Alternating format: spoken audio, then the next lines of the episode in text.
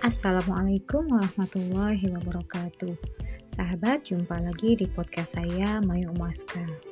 Sahabat, beberapa bulan belakangan ini pandangan mata dunia tertuju kepada Palestina. Di mana dunia diingatkan kembali bahwasanya kondisi Palestina belum dan belum baik-baik saja masih ada agresi, masih ada okupasi, masih ada penjajahan yang dilakukan oleh entitas Zionis Yahudi kepada tanah Palestina, kepada masyarakat atau bangsa Palestina. Sahabat, kemarin ada sebuah foto sosok seorang nenek, seorang uh, muslimah ya, uh, yang sedang menenteng senjata Beliau sudah sepuh, akan tetapi terlihat dari raut wajahnya semangat jihad beliau begitu membara.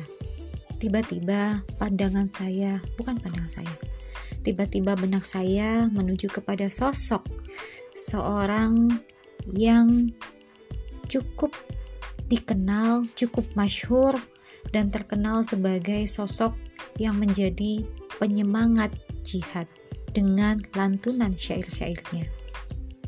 Siapakah dia? Ya sahabat, mari kita kulik bersama. Sahabat, ia bernama Tamaldor binti Amru bin Al-Haris bin Asyarid. Beliau adalah seorang penyair yang termasyhur.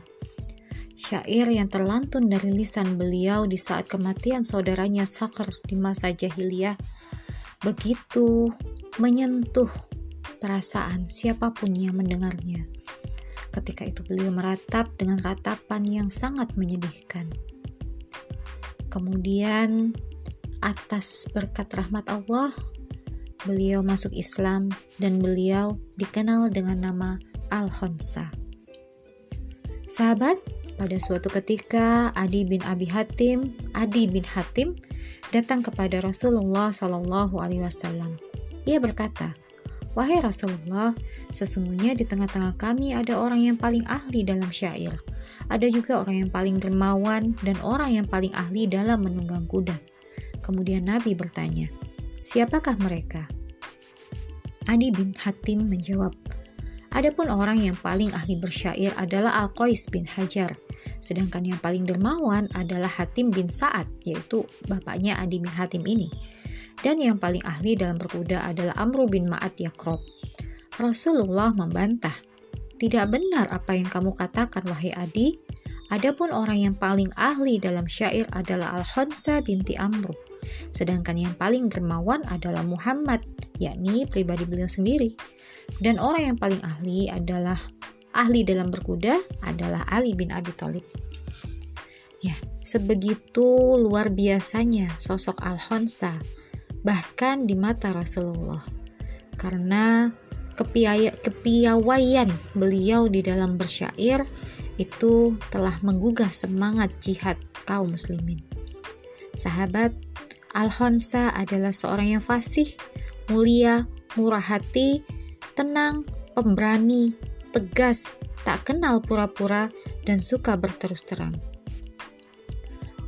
Ia pandai sekali bersyair dengan syair-syair yang terkenal berisi kenangan untuk orang yang sudah tiada. Ketika di masa Islam, Honsa sering bersyair tentang kedua saudaranya yang sudah meninggal di zaman jahiliyah. Lalu ia pun ditegur oleh Umar bin Khattab radhiyallahu anhu. Umar bertanya kepadanya, "Mengapa matamu bengkak?" Ia menjawab, karena aku terlalu banyak menangisi pejuang-pejuang mudor yang terdahulu. Jawab Honsa. Lalu Umar berkata, Wahai Honsa, mereka semua ahli neraka. Kemudian Honsa menjawab, Justru itulah yang membuatku lebih kecewa dan sedih lagi. Dahulu aku menangisi Sahar atas kehidupannya. Sekarang aku menangisinya karena ia ahli neraka. Sahabat, Honsa juga turut serta di dalam jihad. Dalam perang Qadisiyah di masa Amirul Mukminin Umar bin Khattab radhiyallahu anhu, Khonsa berangkat bersama keempat putranya untuk menyertai pasukan perang Qadisiyah. Di medan jihad saat malam hari, ketika para pasukan sedang bersiap berperang satu dengan yang lain, Khonsa pun mengumpulkan keempat putranya. Ia memberikan pengarahan kepada mereka dan tentu saja dengan syairnya, ia mengobarkan semangat kepada para anaknya untuk berperang dan tidak lari dari peperangan, serta mengharapkan syahid di jalan Allah. Maka, mari kita dengarkan wasiat Al-Khonsa yang agung itu. Wahai anak-anakku, sesungguhnya kalian telah masuk Islam dengan ketaatan, dan kalian telah berhijrah dengan sukarela. Demi Allah, yang tiada ilah yang berhak disembah kecuali Dia, sesungguhnya kalian adalah putra-putra dari seorang wanita yang tidak pernah berkhianat kepada ayah kalian.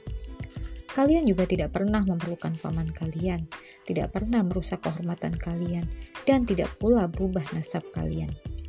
Kalian mengetahui apa yang telah Allah janjikan bagi kaum muslimin berupa pahala yang agung bagi mereka yang memerangi orang-orang kafir. Ketahuilah bahwa negeri yang kekal lebih baik daripada negeri yang fana.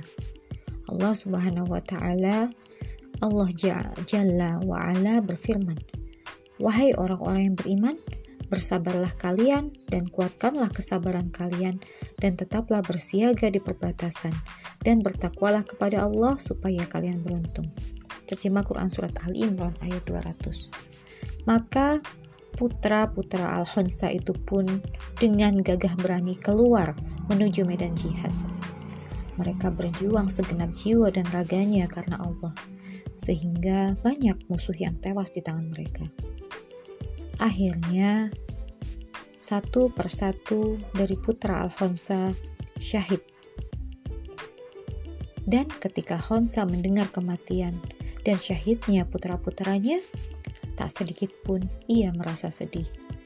Bahkan ia berkata, Segala puji bagi Allah yang telah memuliakanku dengan syahidnya putra-putraku.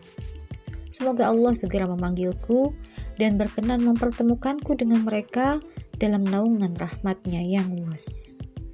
Sahabat, dengan syahidnya keempat putranya, Al-Khonsa dijuluki dengan julukan ibu dari para syuhada sehingga yang dikenal hingga sekarang adalah Al-Khonsa, sang penyair, dan ibu para syuhada.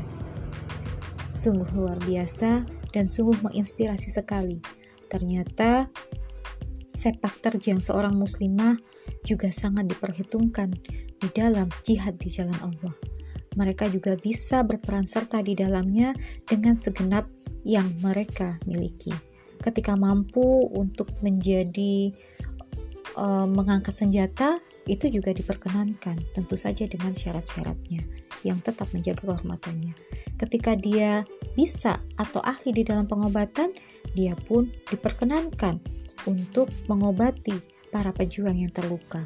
Dan ketika pun dia mampu mengobarkan semangat jihad dengan syairnya, dengan perkataannya, dengan orasi-orasinya, maka itu juga diperkenankan di dalam jihad.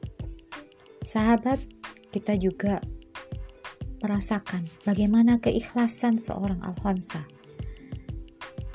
Ia teringat dengan sabdanya Rasulullah Shallallahu Alaihi Wasallam.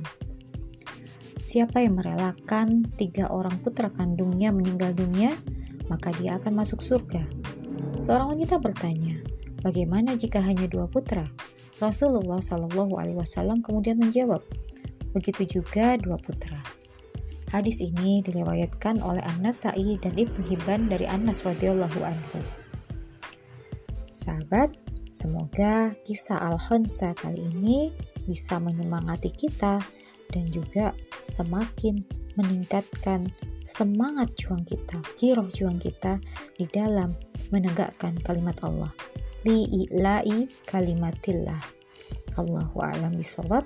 Assalamualaikum warahmatullahi wabarakatuh.